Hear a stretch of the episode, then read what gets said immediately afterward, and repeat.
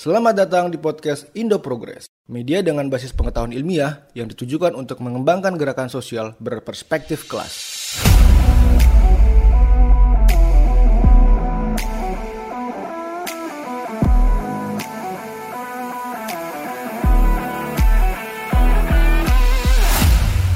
Terima kasih sudah bergabung lagi bersama saya Kunsain Ponto.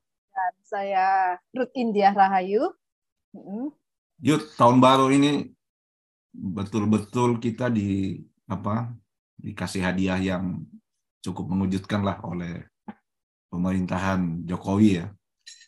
Uh, walaupun semuanya tidak terjadi di tahun ini, misalnya uh, menjelang akhir 2022 itu uh, ada KUHP yang ya. yang isinya cukup inilah ya konservatif itu karena melarang salah satunya melarang penyebaran pengajaran produksi Marxisme. pemikiran Marxisme ya dan Leninisme ya Leninisme hmm. kemudian yang kedua ada Perpu Omnibus Law ya undang-undang ya. cipta Perpu Cipta Kerja yang yang banyak dikritik dan banyak uh, membuat orang terkejut dengan keluarnya Perpu itu dan yang terakhir adalah uh, pengakuan pengakuan negara atas uh, pelanggaran HAM berat yang dilakukan oleh negara terhadap rakyatnya di berbagai peristiwa salah satunya ada yang 12 peristiwa saja. ya ada 12 peristiwa yang ya, diakui satunya, sebagai uh -uh. salah satunya peristiwa paling besar, paling berat dan paling rumit ya, yaitu peristiwa 1965. Uh, ini menarik karena bahkan Gus Dur pun tidak seberani ini ya. Gus Dur kan menyatakan permohonan maaf sebagai pribadi, sebagai uh, orang NU ketika dia sebagai presiden dan bukan sebagai presiden.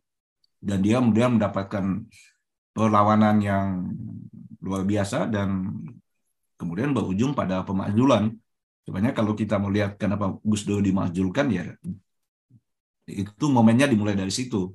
Untuk kemudian terus bergulir sampai ke isu-isu yang dia yang lain. Nah, gimana kamu melihat ini Yud sebelum kita masuk pada topik kita kali ini tentang Marx di Paris. Marx masuk ke Paris ya. Ya. Uh, ini memang kelihatan ya kalau kita lihat dari uh, eh, RUU KUHP uh, kita udah bahas ya di akhir tahun 2022 kemarin sebelum kita libur beberapa lama. Lalu keluarnya Perpu Cipta Kerja dan kemudian yang terakhir adalah pengakuan negara atas 12 yang dianggap sebagai pelanggaran berat HAM, gross violation of human right itu ya. Ini kayaknya kok kontradiksi satu sama yang lain ya. Kalau kita tarik dari RUU KUHP itu yang melarang Marxisme Leninisme, tetapi kemudian sekarang ini pemerintah mengakui bahwa 65 yang dalam tanda kutip dikait-kaitan dengan Marxisme Leninisme itu diakui sebagai pelanggaran HAM berat. Tampaknya ada kontradiksi ya di sini ya atau inkonsistensi. Nah, ini uh, aku kira banyak banyak analisis, tapi uh, kita tidak dalam rangka menganalisis itu lebih jauh. Dan di tengah-tengah itu, menurut aku justru gerakan buruh tetap dipukul ya, uh, dipukul. Jadi dan aku yakin tetap pemukulan gerakan buruh ini kalau makin masif juga nanti tetap dikenai RUU uh, eh, apa itu tadi KUHP KUHP yang melarang Leninisme Marxisme karena sering kali gerakan buruh hmm. juga dikait-kaitkan dengan uh, gerakan Marxis, komunis dan sebagainya gitu ya. Nah ini ini uh, kayaknya ya Kun ya pemerintah sekarang ini sebenarnya tidak punya satu rancangan program yang utuh gitu ya. Satu sama lain kalau dilihat itu saling bertabrakan karena pertama ini banyak sekali kepentingan dan kemudian tampaknya presidennya ini ingin mengakomodir semua kepentingan itu, sehingga akhirnya gaduh-gaduh. Yang jelas kalau soal pengakuan negara itu, kamu tadi sudah sebut, itu diperjuangkan sejak Gus Dur, benar.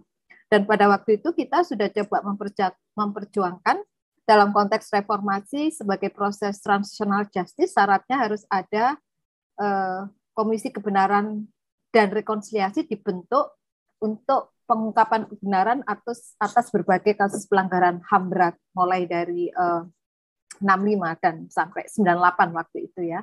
Dan justru persis ketika sudah ada undang-undangnya RUU atau sudah undang-undang ya, kemudian itu di, dianulir uh, dimentahkan pada saat pemerintahan SBY dan kemudian hilang gitu ya.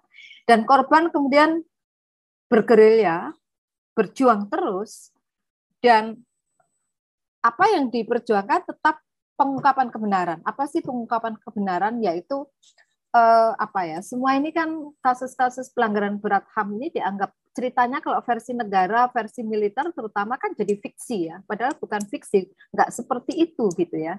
Nah, para korban kan sebenarnya sejak awal tuntutannya pengungkapan kebenaran, baru ada pengakuan negara, rehabilitasi, kemudian uh, pengadilan atas para pelaku dan lain-lain. Tapi itu justru bertahun-tahun, 20 tahun persis, 20 tahun lebih. Ketika kita pakai taktik itu, mentok terus, Gun. Maka kemudian korban akhirnya coba mengajukan uh, ini ini bukan kompromi ya, mengajukan langkah taktis yaitu coba negara dulu mengakui baru sesudah itu kita akan menuntut pengungkapan kebenaran dan sebagainya. Dan ternyata itu bisa berhasil, bisa goal ya, walaupun menjelang akhir pemerintahan dari Jokowi, artinya itu juga tidak mudah gitu loh. Hmm. Tidak mudah atau jangan-jangan juga itu dianggap sesuatu yang ya sudahlah belakangan saja karena hmm. pemerintah sekarang ini lebih fokus pada urusan investasi dan kalau investasi kaitannya pasti dengan buruh. Jadi hmm. ininya yang dimajukan korporasinya ini yang menurut aku lebih di, diangkat ketimbang soal korban. Korban ini kan aksesoris aja ya untuk menunjukkan bahwa pemerintahan ini juga masih humanis atau ada aspek humanisme. Aku setuju okay. dengan kamu dengan uh, uh. kamu soal uh, pemerintah ini ingin memuaskan uh, semua pihak gitu ya. Yeah. Misalnya kalangan konservatif pasti lebih diuntungkan dengan KUHP itu ya. Ya. Terus kemudian eh, kalangan korporat dengan undang-undang Perpu Cipta Kerja, ya. ya.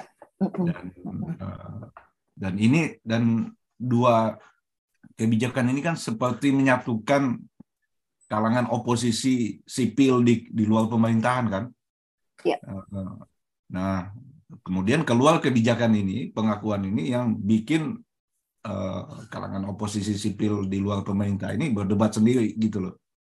Ya, jadi uh, benar apa yang kamu bilang tadi bahwa ingin memuaskan kepentingan semua pihak, semua, semua pihak terus juga uh -huh. tidak punya satu uh, apa garis besar lah tentang negara ini mau dikemanain gitu ya. Ya. Uh, tapi Dan satu gitu. catatan, satu catatan pun, hmm. sebenarnya kan kalau kita lihat kalau kita korban sudah banyak yang mati apalagi yang 65 ya. Yang pesimis ini pun juga sudah banyak tua. Tetapi keluarga generasi anak-anaknya ini kan kemudian generasi menjadi buruh, tenaga kerja upahan. Ya. Jadi generasi mereka ya. ini juga terperangkap dalam uh, Perpu Cipta Kerja gitu kan, dalam relasi-relasi itu dan beberapa yang lain juga nanti mereka terkenal oleh rambu-rambu RUU KUHP lagi gitu. Jadi ini ya. apa bulat apa itu? Uh, tetap menciptakan satu lingkaran yang tidak akan pernah selesai atau menyelesaikan masalah yang fundamental gitu ya. Yeah. Nah, transformasi korban menjadi tenaga kerja upah atau buruh ini kan nggak pernah dipertimbangkan sebagai satu analisis politik yang hmm. jelas. ya. ya, ya memang kemudian uh, kita tidak bisa berhenti melihat langkah-langkah politik Jokowi ini atau pemerintahan Jokowi ini di semata sebagai apa uh, analisis politik belaka ya, tapi kita harus menempatkan ya. ini dalam uh, konteks yang lebih luas lagi bagaimana uh, mereka merespon perkembangan kapitalisme yang sedang terjadi saat ini. Nah, persis di situ mungkin kita bisa masuk ke ini ya. Topik kita hari ini ya tentang ya. Marx ya. di Paris Uh, ya. ya, Marx pergi ke Paris ini pada bulan November tahun 1843 dan menetap di sana sampai Januari 1845 ya. Karena dia diusir dari uh, Paris atas permintaan dari, dari Jerman. Rusia. Ya. Nah, ketika dia pergi ke Paris itu seperti yang sudah kita diskusikan dulu alasannya karena ya di Jerman itu dia udah nggak bisa ngapa-ngapain lagi udah selesai lah tugas dia di sana Jerman sudah buntu gitu dan uh, kita kalau surat dia ke Arnold Ruge itu kan begitu bahwa sekarang ya. kita harus uh, mulai apa berpikir tentang sesuatu yang lebih kritikal. Ya kita tidak lagi bicara tentang dogma, kita tidak datang kepada orang-orang dengan mengatakan, eh inilah yang paling benar, gua yang paling benar, dan kalian tunduk patuh saja gitu, tapi kita menyatakan bahwa uh, kita harus mengkritik, uh, melakukan kritik yang paling tajam atas apa pun yang ada, dan kita mengajak semua orang untuk berpikir kritis tentang kondisi-kondisi apa yang yang terjadi pada mereka dan kita mulai terlibat dalam politik, Eh, berpartisipasi dalam politik dan eh, kemudian eh, merealisasikan apa yang kita perjuangkan secara politik. Jadi sudah mulai ada transformasi dari yang di masa Jerman yang kesadaran diri, diri itu, iya kan, self yeah. self criticism gitu loh, menjadi lebih pada aktualisasi perjuangan secara politik gitu. Ya, nah, jadi enggak, menarik enggak di Paris ini yuk, bagaimana menurut hmm. kamu yuk? Ya, hmm. uh, sebelumnya perlu juga diketahui bagaimana Max bisa pindah ke Paris. Ini juga ada kendaraannya ya. Hmm. Kendaraan adalah kembali kepada teman dia yang namanya Ruge itu, di mana dia membuat atau menerbitkan uh, apa kayak bukan kayak jurnal atau apa itu ya? Jurnal. Ya, jurnal ya. Uh, Deutsche Französische Jahrbucher itu, uh, makanya pakai kata Prancis karena kemudian ini mau diterbitkan di Paris di mana di Jerman nggak memungkinkan lagi. Nah, Marx tetap sebagai kontributor atau penulis di situ sehingga dia punya apa itu punya gaji itu punya punya Pendapatan. punya penghasilan ya, punya penghasilan. Dia bisa pindah ke Paris dan kemudian uh, uh, dengan itu dia punya apa dia bisa hidup. Nah, se sebelum lebih jauh, yang menarik adalah pada saat Marx pindah ke Paris, itu Jenny hamil ya, lagi hamil anaknya yang pertama. Dan pada waktu itu sudah ada satu gini ide ya, utopia. Eh, bagaimana mereka membentuk namanya konsep ini sudah lama ya, konsep ini hilang dari ingatan kita, namanya Palensteri. Palensteri, Palensteri itu adalah bagaimana sekelompok orang tinggal bersama, kemudian apa itu kepemilikannya itu komunal. Sebenarnya ini membangun menciptakan masyarakat komunal kembali ya untuk hidup. Itu kan uh, idenya Charles Fourier kan? Iya betul. Tetapi sebenarnya ini ada di dalam masyarakat masyarakat uh, uh, prakapitalis ya. Extend, kalau di Indonesia namanya extended family misalnya, keluarga besar gitu ya, daya atau yang lainnya ya. Nah jadi uh, mereka menyewa satu flat gitu ya yang cukup besar, kemudian dapurnya bareng, dining apa ruang tamunya bareng dan yang lain-lain bareng. Jadi ide itu yang menarik adalah bagaimana ide itu, ide tinggal bersama itu coba diterapkan. Jadi sebelum ngomong sosialisme lebih jauh, tetapi gagasan tinggal bersama ini yang coba diterapkan. Nah, sayangnya Eh, sayangnya ini kemudian para ibu, para istri waktu itu Mark sudah bawa istri, Ruge juga bawa istri, dan ada lagi temannya Marxis sama Herwoch ya, Herwoch Maurer itu juga pada punya istri. Nah, istrinya aku lupa, uh, Marxis ya, uh, uh, Emma Herwoch itu melihat kagak mungkin kita bisa tinggal bersama ini para ibu. Soalnya apa? Istrinya Ruge itu kan perempuan yang imut-imut sih gitu loh, tapi nggak punya karakter dan maaf secara intelektual kurang, kurang punya ambisi. Ini akan bertolak belakang dengan istrinya Mark, si Jenny yang pinter, ambisinya tinggi, dan ini bisa akan hubungannya akan nggak bagus gitu loh. Dan ternyata betul, Mark hanya sanggup dua minggu tinggal di situ, kemudian pindah. Dan hmm. konsep Palas Palensteri ini kemudian gagal ya karena para istri justru yang menarik para istri karena mereka yang mengerjakan pekerjaan domestik dan paling tidak mereka yang merasa harus tinggal bersama hidup bareng itu yang nggak tahan. Nah hmm. jadi batu ujian pertama ini nggak tahan karena memang mereka sebenarnya pada umumnya dari keluarga berjuis ya, bukan dari masyarakat agraris ya. Jadi hmm. tradisi masyarakat agraris ini sudah hilang dari kalangan keluarga berjuis sehingga mereka sendiri uh, akhirnya menolak konsep hidup bareng ini, konsep komunal. Nah, ini ini ini apa ya? Dari sini saja sebenarnya bisa berkembang perdebatan yang meluas ketika kemudian bicara kepada uh, konsep politik yang lebih jauh. Karena memang betul uh, Marx selain tetap bekerja di Yarbukernya itu, dia juga menjalin hubungan dengan gerakan-gerakan uh, uh, gerakan untuk keadilan ya, gerakan emansipasi liga, juga. Liga, liga keadilan. Ah, liga, liga keadilan ya, liga keadilan. Uh, liga keadilan ini yang mau Jerman itu ya, perubahan di hmm. Jerman ya, dan juga perkumpulan rahasia yang dibangun oleh Maurer ya. Jadi waktu itu tetap aja gerakan-gerakan bawah tanah. Dan waktu itu kalau tidak salah, Kun, orang ini ini kan daerah imi, pusat imigran Jerman ini yang mereka tempat itu. Ada 100 ribuan ini daerah di Paris ini yang yang mereka tempat itu 85 ribu. 85 ribu ya? Uh -uh. atau Jerman. Antara itu sampai 100 ya. Dan mereka umumnya, ini umumnya intelektual dan pekerja artisan lah pengrajin ya, lah. ya. Dan beberapa dari mereka idenya cukup revolusioner karena ingin tetap ada revolusi Jerman gitu loh. Jadi hmm bagaimana revolusi Jerman ini mereka pikirin gerakannya dari Paris kan ini. Marx sendiri kan sebenarnya tadinya masuknya ke sini kan uh, di Paris ini dia dan beberapa temannya. Cuma jadi, mulai kemudian Paris. ada kenapa lu kenapa kun? Jadi Paris itu memang adalah -uh. satu kota yang saat itu disebut sebagai ibu kota budaya Eropa lah ya. -uh. Di, di sana adalah tempat pertemuan uh, berbagai macam ide baik ide yang sifatnya ideologis gitu ya.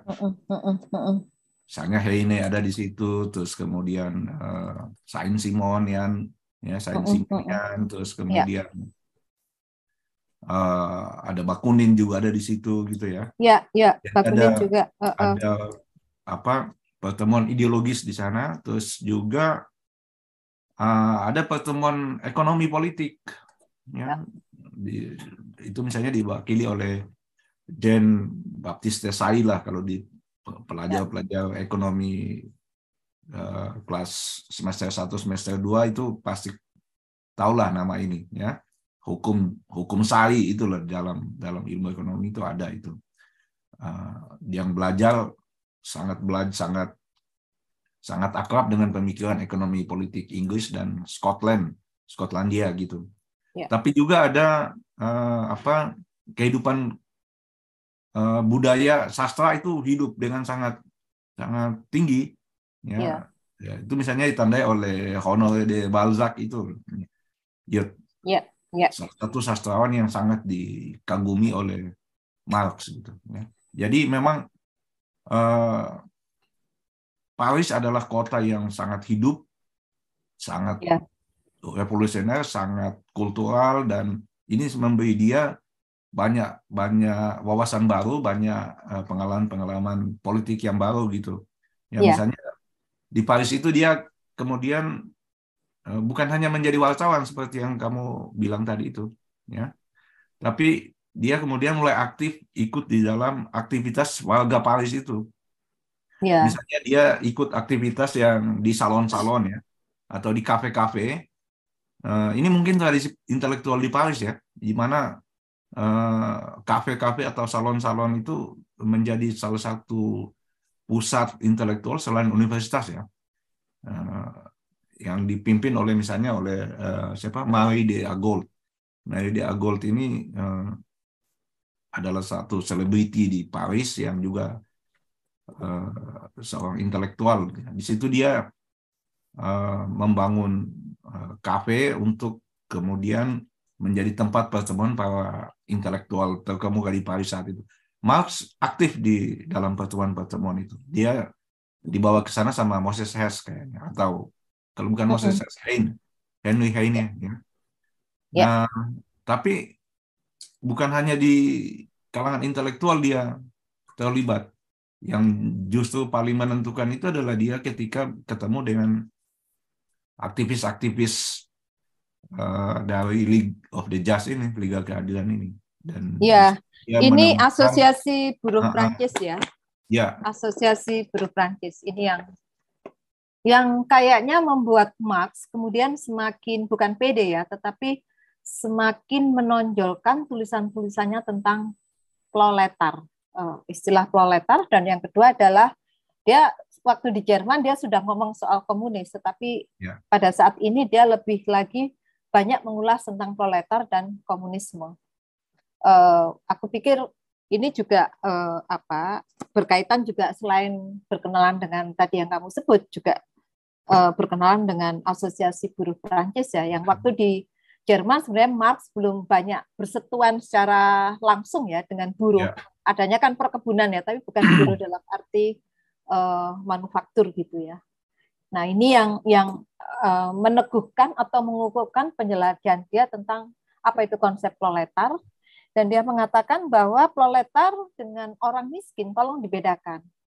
Karena analisis tentang proletar ini berkaitan dengan kepemilikan atas kekayaan pribadi ya, eh, di mana kemudian kekayaan ini dimiliki segelintir orang. Dan waktu itu Paris juga dalam situasi pasca revolusi Perancis kan dengan industrialisasi yang baru itu kan juga gap antara orang kaya dan miskin tinggi ya. Nah, jadi eh, kepemilikan pribadi dimiliki oleh orang yang kaya tertentu yang makin eh, makin kaya dan kemudian di sisi lain tetap kemudian menciptakan kelas-kelas proletar. Nah, analisis ini yang termasuk baru dalam tanda kutip yang kemudian membuat Marx, aku lagi-lagi menyebut Ruge ya, kemudian nanti dia berantem, berpisah dengan Ruge karena hmm. konsep ini. Karena kemudian konsep Marx adalah pembebasan kelas proletar ini adalah pada sebuah revolusi apa ya revolusi kelas ya karena kelas Sementara Ruge tetap mengomongkan pembebasan adalah uh, emansipasi politik, jadi ya revolusi biasa. Dan kemudian Marx keluar dari uh, koran atau dari apa ini dari Yarbucher ini, ya. dan di situ dia mulai tambah miskin itu pun. Dia nggak punya penghasilan itu. Sebenarnya uh -uh. kalau kalau kita ingat kan di diskusi terakhir kita kemarin uh -huh. di, di apa itu ketika dia ada di Kusna itu uh-uh. dia kan sebenarnya sudah mulai berbicara tentang proletariat yeah. ya, sebagai uh, agen pembebasan universal gitu. Yeah. Yang mana uh, konsep ini justru sangat berbeda dengan konsepnya Hegelian muda kan, yang melihat bahwa kaum intelektual lah sebagai agen pembebasan itu kita karena hanya dengan kesadaran diri, hanya dengan penyebaran pengetahuan, hanya dengan uh, apa uh, apa proyeksi tentang bagaimana analisis terhadap masalah yang benar akan menghasilkan uh, perubahan politik yang yang lebih baik itu menurut dia keliru gitu loh. Udah ya. udah tidak tidak sesuai lagi dengan kondisi uh, yang dia alami ketika dia berhadapan dengan uh, pemberedelan yang dilakukan oleh pemerintah Jerman terhadap koran Renisi Jaitung itu kan. Ya. Nah, nah di Paris dia ketika ketemu dengan asosiasi buruh uh, Jerman itu, buruh Jerman di Paris itu di Liga Keadilan itu dia melihat bahwa oh inilah yang konkret dari apa yang dia sudah tuliskan uh, di di Kusna itu di di dalam kritik uh, terhadap filsafat Hegel itu. Ya. Nah, uh, memang ini kemudian satu satu penemuan politik atau satu penemuan konsep tentang agen pembebasan yang sampai sekarang ini menjadi kontroversi ya, Yud ya. Apa benar bahwa uh, kelas proletar adalah satu-satunya agen revolusioner yang paling yeah. berpotensi untuk menghancurkan kapitalisme gitu kan. Kalau kita ingat dalam perdebatan kontemporer ini kan ada yang disebut dengan post Marxis ya. Dan yeah. juga uh, apa politik identitas gitu yang atau postmodernisme gitu yang menolak buruh sebagai satu-satunya agen uh, pembebasan universal gitu. Ya. Karena uh, kalangan post Marxis kan bilang bahwa enggak lah, uh, yang berjuang itu bukan hanya kelas proletar kok, ada juga perempuan, ya. kalangan perempuan, kalangan uh, LGBT, kalangan apa di aktivis lingkungan dan masyarakat adat dan seterusnya dan seterusnya dan dan kelas proletar hanya salah satu bagian dari kelompok-kelompok ini yang uh, berjuang untuk pembebasan pembebasan dari yeah. penindasan gitu kan. Nah, mungkin kita perlu klarifikasi sedikit yuk. Kenapa Marx tiba pada kesimpulan bahwa hanya kelas proletar lah yang uh, berpotensi untuk secara revolusioner di dalam uh, menghancurkan sistem kapitalisme ini yuk? Uh, Nah, ini juga di kalangan feminisme juga rame ya perdebatannya ya. Hmm. Uh, soal kontradiksi. Ini kan sebenarnya Marx mau nunjukin soal kontradiksi ya. Kalau di kalangan feminis mereka nggak mau uh, bahwa kontradiksi berdasarkan gender itu bukan pokok menurut para feminis itu pokok gitu kan. Jadi kalau menurut Marx kan itu kontradiksi hmm. dasar ya. Uh, karena yang pokok adalah kontradiksi diksi berdasarkan kelas yang menciptakan kelas proletar ya. Nah, ini kayaknya juga berkaitan dengan penjelajahan. Ini asumsiku ya, penjelajahan Marx tentang uh, konsep dia yang udah dia ngomongin sejak di Jerman. Uh, kritik di atas hak hak menurut Hegel itu kan dia kritik. Hak itu hak sebagai masyarakat sipil dan hak sebagai manusia itu dua hal yang berbeda menurut Marx ya. Nah, eh, sebagai masyarakat sipil kan dia kritik masyarakat sipil kan umum, borjuis juga masuk gitu loh. Tapi Mars akan memberi lagi bahwa eh, eh, apa masyarakat sipil yang dia dia angkat itu adalah justru ada kontradiksi kelas di dalam masyarakat sipil dan ini yang membedakan secara mencolok dibanding kontradiksi lainnya. Misalnya kontradiksi antara Yahudi dan non-Yahudi itu kan ada berdasarkan ras, tetapi kan ini tidak universal gitu loh. Hmm. Antara Yahudi dengan orang kulit Jerman misalnya, itu kan nggak universal, itu kan hanya terjadi antara Yahudi dan non Yahudi gitu. Sebenarnya itu malah dia tulis di uh, apa uh, buku dia yang persoalan orang Yahudi itu. Nah, the Jewish question. Ya, uh, uh, ya the Jewish of ya the question uh, Jewish question ya. Nah, kemudian tetapi menurut dia, ini dia bicara tentang universalitas. Yang paling universal itu di mana pun, kapan pun, itu justru kontradiksi berdasarkan kelas antara orang yang memiliki kekayaan pribadi dan tidak. Ini universal. Maka di sini sesungguhnya inti perdebatan dia dengan yang lain-lain, dengan teman-temannya di Jerman, ya kalian muda, tapi bahkan juga nanti dengan kelompok sosialis di Paris ya, Kun ya, soal ini ya. sebenarnya. Jadi uh, uh, mengenai bukan soal universal partikular bisa aja kalau menurut versi Hamhaman akan ditarik ke universal dan partikular. Tapi yang universal Marx belum mengatakan kontradiksi pokok ya. Itu kalau nggak salah mau ya.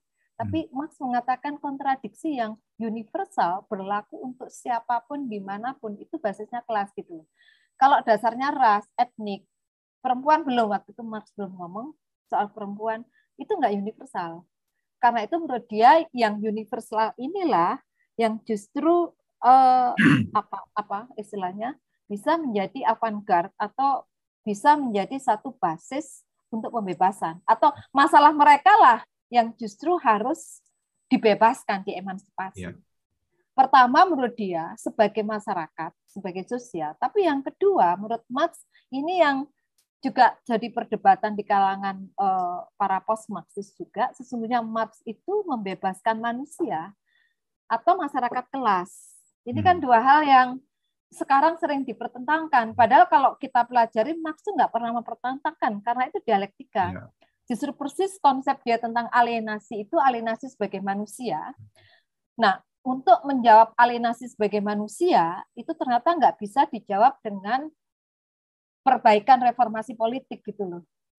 Tetapi hmm. menurut dia perjuangan kelas, kelas proletar ini merupakan prakondisi untuk pembebasan emansipasi manusia gitu. Jadi menurut aku eh, apa ya? Problem para Marxist, maksudku pengikut Marx, baik abad 19 maupun sampai yang sekarang ini itu adalah tidak bisa memahami uh, dua konsep ini secara dialektis. Walaupun beberapa coba mengembalikan kepada pemikiran dialektika Marx ya. ya. Beberapa kemudian lebih menonjolkan kepada emansipasi sebagai ya. Uh, itu tadi ya untuk menjawab bahwa nggak hanya kelas proletar, yang lain-lain juga karena mereka semua adalah manusia. Ya. Tetapi yang lain kemudian enggak, yang ekonomistis. Kelas buruh proletar. Ini adalah avant-garde-nya, apa pelopor ya yang harus diperjuangkan. Nah, menurut aku ini problem-problem dalam karena Marxisme atau pemikiran Marx itu banyak dipenggal-penggal gitu loh. Di dualis. Ini kan khas tradisi filsafat barat ya, selalu membuat dikot apa oposisi biner, dikotomis gitu loh, Gun. Aku sendiri dalam posisi coba kita konsisten untuk memahami apa yang dialektikanya Marx. Hmm.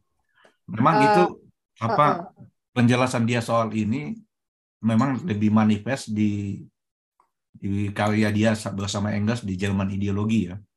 Ya, di, ya. Jerman. Di situ ya. dia ya nanti kita akan diskusi lebih jauh soal buku ya, ini. Tapi ya, ya. mungkin singkat saja bahwa di situ dia uh, bilang bahwa uh, manusia itu untuk bisa hidup pertama-tama dia harus makan, dia punya ya. tempat tinggal ya. dan dia punya apa pakaian lah ya. Tapi sebelum dia bisa beraktivitas yang lain, bermusik, bersastra, ya menjadi seorang intelektual, men men menyalurkan hobi-hobi dia yang lain atau bahkan aktivitas seksual, ya dia harus makan dulu gitu loh. Kalau dia nggak makan ya nah, begitu ya. lahir mati gitu loh. Ya. ya.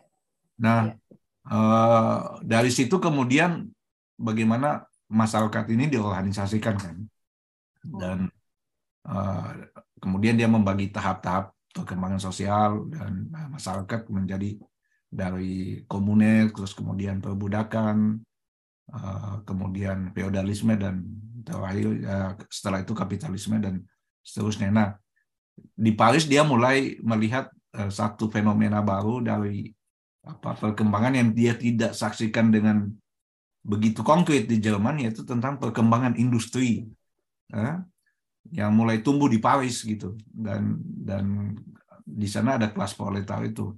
Dan ini yang kemudian dia melihat kesimpulan bahwa oh dalam situasi masyarakat yang baru ini yang berbeda dari situasi masyarakat sebelumnya yaitu feudalisme maka kelas proletar adalah kelas yang paling tertindas. Karena dia tidak di dalam hal pengorganisasi pengorganisasian hak bagaimana kita bisa makan itu mereka ternyata tidak punya uh, kepemilikan pribadi gitu loh dan itu adalah uh, kelas yang paling tertindas dan karena itulah dia yang secara universal bisa menjadi kelas yang berpotensi untuk menghancurkan sistem masyarakat baru yang di sistem kapitalisme ini dibandingkan dengan seksi-seksi uh, lain dalam masyarakat gitu. Jadi sebenarnya kalau kita mau berdebat tentang apakah kelas proletar ini adalah kelas uh, yang secara universal paling revolusioner dibanding kelompok-kelompok yang lain dalam masyarakat, maka sebenarnya kita harus kembali ke uh, apa konsepsi dia tentang kapitalisme ini apa sebenarnya. Karena kalau kita tidak meletakkan di dalam konteks perkembangan kapitalisme, maka kita akan mengawang-awang bicara tentang uh, siapa kelas yang paling tertindas. Karena semua orang itu tertindas memang, gitu loh ya, ya kan? Kelas ya. kelas apa kelompok perempuan tertindas. Ya. Kelompok lingkungan tertindas, masyarakat adat tertindas. Iya kan? Uh, bahkan mahasiswa juga tertindas sekarang ini, iya kan? Ya. Tapi harus diletakkan dalam konteks perkembangan kapitalisme ini. Nah, memang kita akan diskusikan itu lagi di, di... It, it, itu nanti juga sebenarnya mulai dia bahas hmm. di juga karya dia manuskrip, kemudian yeah. Grundrisse dan lain-lain, problem ketertindasan kelas buruh atau kelas proletar ini kan pada transformasi dirinya menjadi tenaga kerja komoditas. Intinya yeah. kan ya. nanti di situ ya yang yeah. tapi itu nanti akan kita bahas. Nah, Kun uh, nyambung dengan kamu tadi, uh, Marx itu juga mengkritik uh, pemberontakan para penenun di Sile, ya. Silesia ya tahun 1844. Ya. Silesia itu Rusia ya, masih daerah Rusia. Dia mengkritik bahwa gerakan uh, pemberontakan penenun ini nggak berhasil karena apa? Justru persis mereka tidak uh, kesadaran yang dibangun uh, sebagai penenun itu bukan kesadaran kelas Padahal mereka ini kan problemnya relasi kelas sebagai penenun dan yang punya modal kan waktu itu sebenarnya. Tapi kesadaran yang dibangun cuma kesadaran politik doang. Misalnya ini Marx sudah mengkritik waktu itu. Doktrin sosialis kala itu yang yang apa itu yang ditanamkan kepada para penenun ini adalah soal kesetaraan upah dan organisasi kerja. Nah ini aku nggak tahu bagaimana menurut pendapatmu karena gerakan buruh sekarang termasuk di Indonesia juga menuntut kesetaraan hmm. upah. Tapi waktu itu sudah Marx justru mengkritik kesalahannya justru di situ karena itu kenapa gagal gitu ya. Jadi soal-soalnya kan masih soal kesetaraan upah, reorganisasi kerja dalam sistem kapitalis gitu ya. Itu yang jadi asumsi dasar problem-problem eh, para penenun dan itu memang pakai teori-teorinya Prodong yang nanti akan dikritik oleh Marx ya di dalam uh, filsafat kemiskinan filsafat itu ya, ya. dia akan itu ya. Sebenarnya Jadi, sebenarnya uh, ini juga yuk, dia sebelum mengkritik itu dia sangat membela uh, aksi para penenun itu. Uh, uh, uh. Jadi dan itu kan sebenarnya menjadi titik terakhir perpisahan dia dengan Hegelian muda dalam hal ya. ini dengan kronologi kan. Jadi ketika ya ketika uh, demonstrasi itu meletus, banyak perbincangan soal itu, ya, terutama di Paris gitu ya. Bagaimana kita melihat demonstrasi ini ya, atau pemberontakan para penenun ini. Nah, Ruge itu melihat bahwa melihat aksi itu dengan sangat pesimis.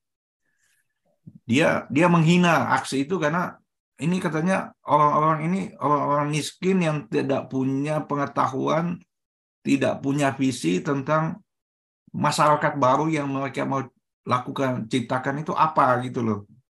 Orang bodoh ya demo ya ya apa yang bisa diharapkan kira-kira gitulah. Ya. Persis sama seperti elit-elit kita kalau kalau lihat kelas pekerja demo itu apa itu orang miskin kelas pekerja kok mau demo mengganggu aja gitu loh nggak ada nggak ada apa nggak ada visi tentang uh, masa sesuatu yang lebih baik yang akan mereka perjuangkan gitu loh. nah itu memang karena Ruge ini kan ya masih Hegelian muda itulah yang seperti ya. tadi itu pokoknya harus intelektual harus ya. penyebaran gagasan harus pencerahan gitulah uh, tapi Marx mengatakan enggak kamu salah itu kamu karena kamu tidak melihat pemberontakan itu dalam relasi kapital dan label gitu loh, buruh kapital. Mereka ini adalah uh, gambaran atau refleksi dari satu situasi yang sedang berkembang tentang hubungan buruh kapital itu. Dan karena itu, maka mereka adalah sangat potensial untuk melakukan perubahan yang ke arah yang lebih baik. Perubahan dalam arti uh, bagaimana mereka bisa berpotensi untuk menjatuhkan sistem baru yang sedang muncul di Jerman, yaitu sistem kapitalisme ini. Dalam hal ini adalah industrialisme atau industrialisasi yang sedang berkembang di Silesia itu. Nah, itu memang kemudian uh, menegaskan perpisahan dia dengan Ruge ya. Selain yeah, karena yeah. kemudian uh, jurnal French Jerman itu juga memang bangkrut gitu ya karena yeah. Tapi Ruge juga nggak setuju dengan ide komunisme, proletar apa itu. Betul, betul. Ruge Karena nggak mau ide-ide itu. Iya, itu memang kemudian uh, uh, titik terakhir perpisahan dia dengan dengan apa? Ruge, uh -uh. Ruge atau Jerman uh, apa? Hegelian muda itu, Hegelian para Hegelian muda. muda. Nah, terkait kritik dia terhadap uh, apa uh, aksi itu sendiri adalah soal pandangan ya. Pandangan tentang um, bagaimana sebenarnya dia sebenarnya bicara komunisme dan sosialisme ini kan sama ya. Dia tidak dia tidak membeda-bedakan antara oh ini sosialisme oh ini komunis pokoknya kalau dia bicara sosialisme ya itu artinya komunis, kalau dia bicara komunisme itu artinya sosialis gitu loh. Nah, dia sebenarnya sedang dalam posisi untuk berdebat dengan kalangan uh, apa yang disebut dengan uh, sosialis utopia ini loh. Yeah. Ya, pada saat itu sangat sangat kuat uh, apa uh, pengaruhnya di Prancis maupun di Jerman, terutama uh, kalangan Saint Simonian ini. Di Jerman kan yang pengaruh besarnya kan adalah Saint Simon kan, Saint Simonian itu. Nah dia sedang melakukan kritik terhadap yeah. mereka yang melihat Kalau bahwa sekarang kan kalau kayak di Indonesia atau pada umumnya gerakan buruh ini kan juga tahapnya uh, menuntut kesetaraan upah ya. Ya. ya. Hmm. Putus kamu Yud. Ya jadi memang uh, kalangan apa uh, sosialis utopia itu seperti yang di yang dikritik oleh Marx, mereka memang selalu atau cenderung melihat bagaimana penerapan sosialisme itu lebih pada gagasan. Ini sebenarnya tidak terlalu berbeda dengan dengan kalangan Hegelian muda gitu loh. Ya, jadi sosialisme itu di di apa diintroduksi melalui gagasan melalui orang-orang yang yang hebat gitu dan kemudian itu coba di, di diterapkan di dalam masyarakat gitu. Menurut nah, sorry, itu, aku kok terlempar ya. Sorry Kun, aku iya. terlempar ya. ya. Dan nggak dengar suaramu beberapa saat. Kenapa hmm. ini tadi ya? Sorry, sorry. Uh, nggak tahu aku kenapa. Hmm. Oke, okay. tadi gimana kamu ngomong apa Kun? Aku tadi ya. lupa ya. juga karena terlempar. Ya, jadi itu, jadi sebenarnya kritik dia terhadap uh, pemberontakan para penenun itu, itu sebenarnya adalah bagian dari kritik dia terhadap uh, ide-ide kalangan sosialis utopia, terutama kalau dalam konteks Jerman adalah pengaruh Saint Simon itu kan. Ya, ya, ya. Dan di Perancis adalah uh, Fourier maupun Owen gitu, ya. Robert Owen. Nah, sebenarnya kalangan sosialis utopia ini kan tidak sebenarnya tidak terlalu berbeda dengan Hegelian muda dalam pengertian bahwa sosialisme itu diterapkan melalui gagasan dari orang-orang besar gitu loh. Ya, ya, ya, ya, ya kan? betul.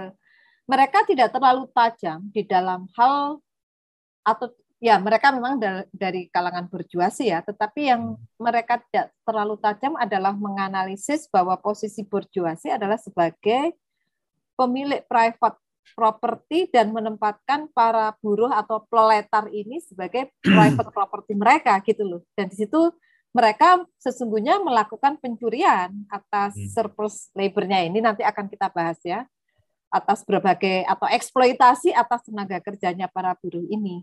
Itu yang mereka nggak tajam kan, uh, sensimonian ini ya. Karena kenapa sih disebut utopis? Kenapa Kun? Sosialismenya ke utopis. Apa yang membedakan dengan nanti uh, sosialismenya Marx? Uh, singkat aja. Ya, ya utopis karena uh, mereka membayangkan, mereka membayangkan bahwa masyarakat sosialis itu seharusnya begini, seharusnya begitu. Misalnya uh, Saint Fourier ya, Charles Fourier itu kan bikin satu proyek tentang masyarakat yang isinya 600 orang gitu ya. 300 laki-laki, 300 perempuan. Komune lah ya. Kemudian ada pembagian kerja yang yang ketat gitu ya. Siapa harus bikin apa dan dan kemudian uh, ada manajemen kerja yang yang sesuai dengan kira-kira bagaimana komune ini bisa bekerja gitu loh. Tapi ini gagal gitu loh. Ini idenya dia harus begini masyarakat itu gitu. Ya. Terus kemudian Robert Owen Robert Owen ini bikin punya ide tentang masyarakat sosialis itu ya kayak kayak gini ya di New Lanark itu. Ya. Ya. Oh, upahnya harus begini, upahnya uh, antara buruh dan majikan harus harus tidak terlalu terlalu jauh gitu ya. ya. Tapi ini semua makanya kesetaraan upah tadi ya, kesetaraan upah tadi ya. Betul. Nah, ya. itu utopis karena itu nggak akan bekerja di dalam konteks kapitalisme gitu loh. Persis, karena mereka membayangkan sistem komunal seperti uh, komunisme purba. Ya. Maksudnya komunisme purba itu pada masa agraris subsisten. Aku nggak suka istilahnya, tapi biasa disebut kadang-kadang masa barbarisme, masa apa gitu. Aku nggak suka istilah itu, tapi ini masih sering dipakai sebagai ancang-ancang untuk menentukan situasi masyarakat ya dalam sejarah perkembangan masyarakat. Mereka membayangkan memang eh, apa masyarakat komunal seperti itulah dengan tadi ya konsep palas pa, uh, valens valensteri tadi itu itu hmm. dijalankan gitu loh. Itu kan utopiasnya. Dan betul um, mereka tidak melihat bahwa epok yang ada sekarang adalah kapitalisme gitu yeah. loh. Dipikirnya ini kan mereka menerjang bahwa masyarakat itu ada sejarah perkembangannya dan yang menjadi persoalan kita adalah konteks kapitalismenya itu. Ya. Ya. Nah, ilmiah uh, uh, uh, bedanya dengan sosialisme ilmiah ya karena uh, uh. karena menurut Mark enggak kita harus analisa apa ini kapitalisme ini, bagaimana cara dia bekerja, yeah. bagaimana cara dia mengorganisasikan masyarakat. Nah, dari sana kemudian kita bisa melihat apa potensi-potensi untuk melakukan perlawanan terhadap sistem baru ini gitu loh. Nah, ini ini sebenarnya uh, disebut ilmiahnya ya di situ karena yeah. bukan karena yang lain itu nggak ilmiah gitu loh. Yeah. Ya, Charles Fourier, Saint Simon sama Robert yeah. itu ya sangat ilmiah gitu. Yeah. Tapi maksudnya ilmiah di sini adalah uh, menganalisis kondisi yang sedang ada yang sedang ya. terjadi sekarang secara detail gitu loh, secara uh, saintifik gitu loh. Bukan ya. membayangkan gitu. Ya. Dan itulah nanti uh, Mars konsisten ya. Hmm. Uh, untuk menjelaskan tentang sosialisme ilmiah, para, bagaimana cara kerja kapitalisme di dalam mencuri nilai, itulah hmm. dia nanti kemudian membuat kapital itu bukunya yeah. kapital itu sebenarnya dia ingin menjawab menjelaskan tentang kritik-kritik dia pada Proudhon, Saint yeah. Simon Robert Owen dan lain-lain lah itu itu nanti akan ada perpisahan sih dengan para sosialis Paris tapi pada saat ini sebenarnya yang menarik adalah eh, apa ya Mas kayak digodok di dalam satu panorama pemikiran tentang sosialisme yang macam-macam gitu ya yeah. pada situasi industrialisasi baru baru dalam arti manufaktur manufakturingnya ya kun ya sebelumnya kan ya. sudah ada perkebunan dan itu di manufaktur inilah kelihatan banget bagaimana kapitalisme itu bekerja yang agak berbeda dengan pada saat perkebunan. Perkebunan masih ada kapitalismenya kan masih feodal ya. Relasi buruh dan majikan itu kan masih banyak relasi feodal karena hmm. sebelumnya lagi kan relasi perbudakan ya. Yeah. Kapitalisme perkebunan perbudakan. Nah, di manufak manufaktur inilah tampak sekali bagaimana kapitalisme itu uh, bekerja. Nah, di nah, di situ uh, kemudian momen pertemuan dengan dia dengan Engels kembali ya pertemuan yeah. kembali dia dengan Engels itu menjadi sangat menentukan gitu ya mungkin yeah. kita bisa membicarakan uh, sosok Engels ini dalam satu uh, episode khusus ya seperti khusus kita ya, tentang, tentang Hegel gitu ya yeah, pengaruh yeah, Hegel yeah. Uh, uh. kita mungkin bisa bicara tentang pengaruh Engels ini terhadap Marx yeah. gitu karena uh, uh, uh, uh ada yang mengatakan bahwa kalau nggak ada Engels, ya kita nggak akan melihat Marx yang seperti saat ini, sekarang kita bicarakan ini. Engels adalah yeah. yang mengubah seluruh perspektif yeah. ekonomi politik dia gitu. Yeah. Walaupun di Jerman, ya di Prancis dia bukan hanya berpikir ya, dia bukan hanya terlibat dalam aktivitas akademik di salon-salon itu, tapi juga sudah mulai terlibat eh, aktif di dalam pertemuan-pertemuan dengan kalangan apa kalangan uh, buruh migran ini. Dan aku pikir karena Engels sudah mengenal lebih dulu seluk-beluk industri manufaktur, kan dia sendiri ya. pemilik. Jadi dia lebih punya apa ya, lebih bisa menjelaskan bagaimana cara kerja kapitalisme ya. daripada ya. yang teman-temannya yang lain. Aku pikir karena faktor itu ya. ya. Di samping itu yang kalau aku juga tertarik uh, konsep Engels yang coba kemudian menggali tentang dialektika alam itu ya. Itu ya. itu menarik nanti. Oke kapan-kapan kita akan bahas tersendiri. Tapi yang hmm. jelas menurut aku Engels ini mempertajam Mark karena dia lebih maju bukan lebih maju ya, uh, lebih mengenal tentang kapitalisme itu sendiri ya, dan lewat dia sudah tinggal di Manchester uh, pada saat Manchester itu. iya. Dia itu kan daerah itu kan daerah industri kan manufaktur paling terindustrialisasi di Inggris pada saat itu ya, ya. Gitu. Uh, uh. jadi uh, apa ya ini semua memang apa ini perjalanan pemikiran Marx dan para sosialis yang lainnya atau yang disebut utopis ini juga sebenarnya se, kalau menurut aku ya sejalan dengan perkembangan kapitalisme itu sendiri. Ya. Jadi eh, apa nanti Marx akan semakin kukuh bahwa keberpihakan atau apa menempatkan analisis pada kelas proletar dan kemudian nanti pembebasannya itu pada mereka itu juga sebagai uh, pelopor atau sebagai apa ya. itu ya sebagai avant-garde-nya itu akan semakin kukuh dengan dia melihat kapitalisme yang lebih lanjut ini kapitalisme manufaktur ya, ya. kayaknya seperti itu jadi ya. memang di uh -uh. Marx di Paris ini dalam usia yang sangat muda ya itu betul-betul sudah sangat menonjol jadi pertemuan-pertemuan yang dilakukan dia dengan kalangan buruh migran Jerman itu uh, laporan-laporan intelijen uh, Prancis itu selalu menyebut nama dia gitu sebagai orang yang paling provokatif, paling yeah,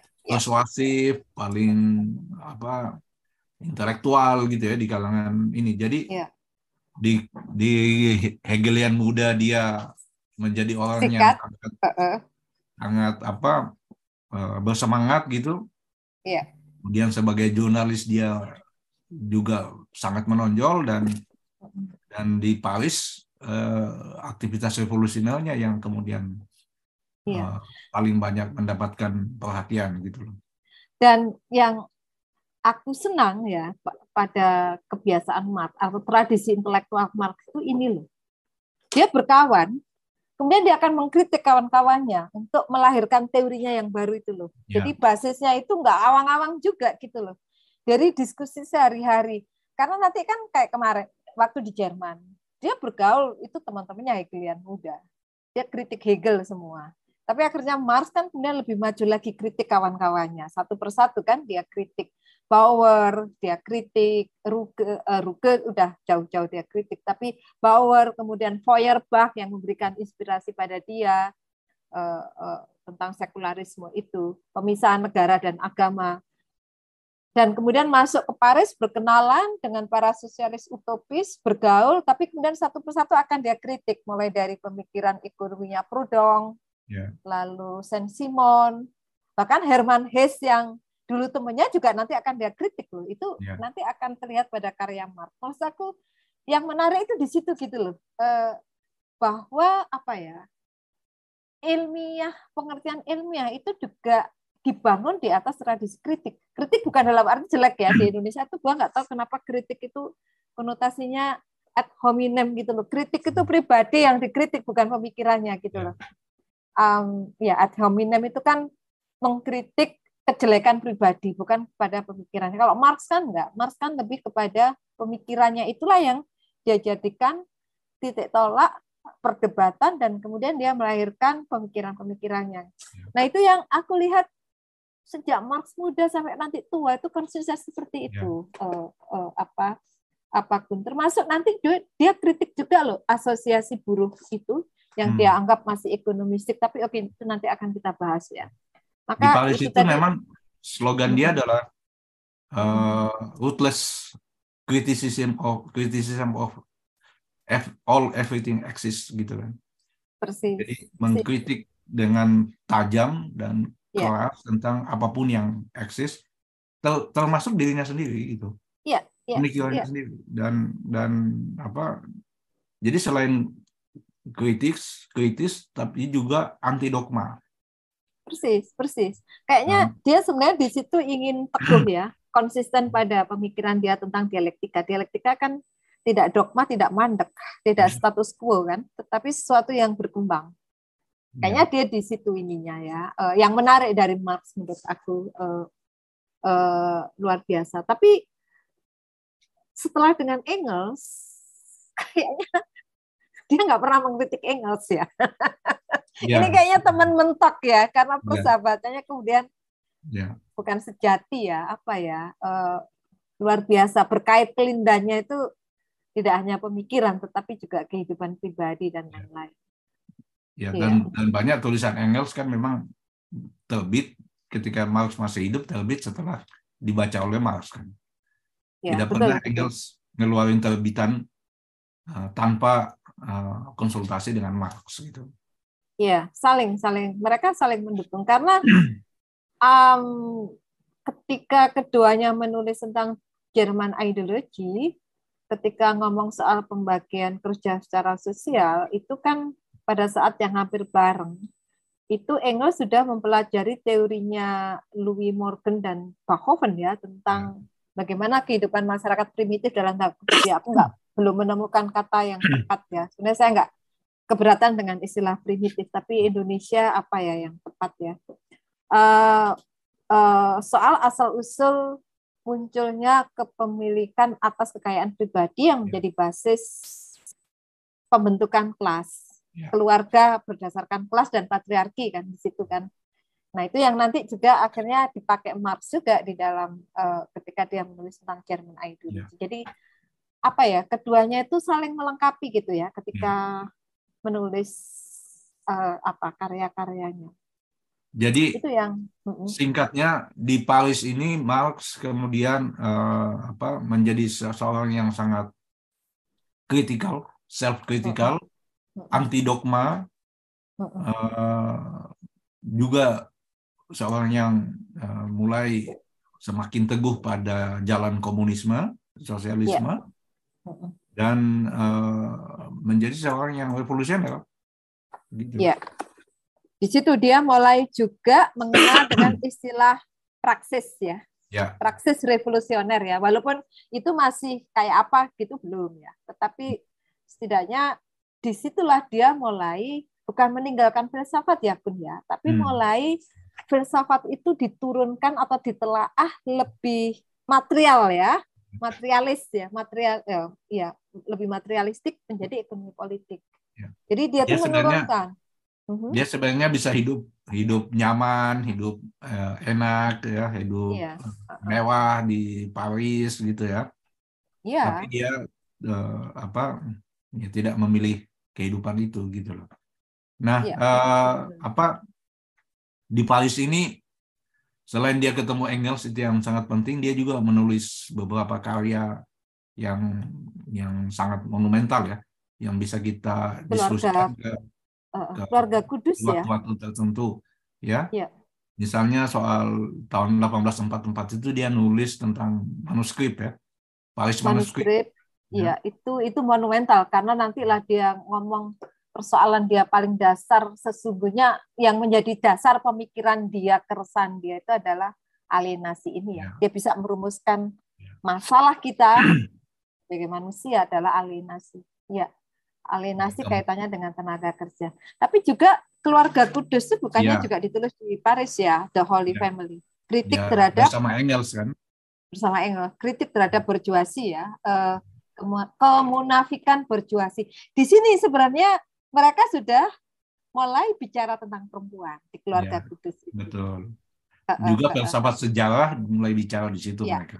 Iya. Nah, kita akan ke depan akan mendiskusikan gimana nih Yud. Apakah minggu depan pertemuan selanjutnya kita akan diskusikan dulu pertemuan dengan dia dengan Engels. Kita ingin cari tahu nah, bagaimana sebenarnya pengaruh Engels, siapa Engels ini, pengaruh Engels terhadap Marx. boleh eh, eh. Terus kemudian setelah itu Paris manuskrip, kemudian keluarga kudus. Iya. keluarga itu. kudus ya Eh, keluarga Ini kudus periode menurut aku Paris perlu lah ya.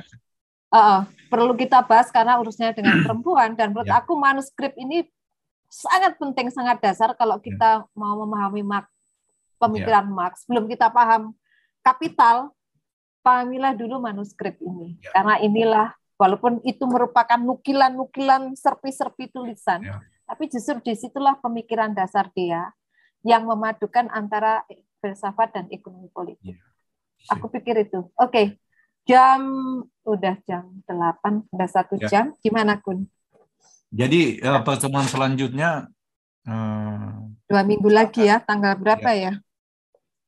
Sekarang tanggal, sorry, aku 12. lihat tanggal. Kita masih kita ubah jadi malam lagi ya. Uh, ya. Kalau kemarin-kemarin kan Sabtunya pagi. Ya. Di tempat kamu malam ya. Sekarang kita giliran 2023 kawan-kawan semua para pemirsa kita akan tradisikan lagi di 2023 ini Sabtunya untuk Indonesia bagian barat adalah uh, jam mulai dari jam 7 malam ya, jam 19. Oke, eh, dua minggu lagi berarti tanggal 28, 28. Januari. Ya, 8, kita akan ketemu tanggal 28.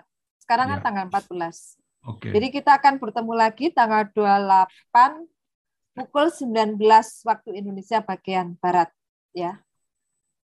Ya, ya kan? Benar kan?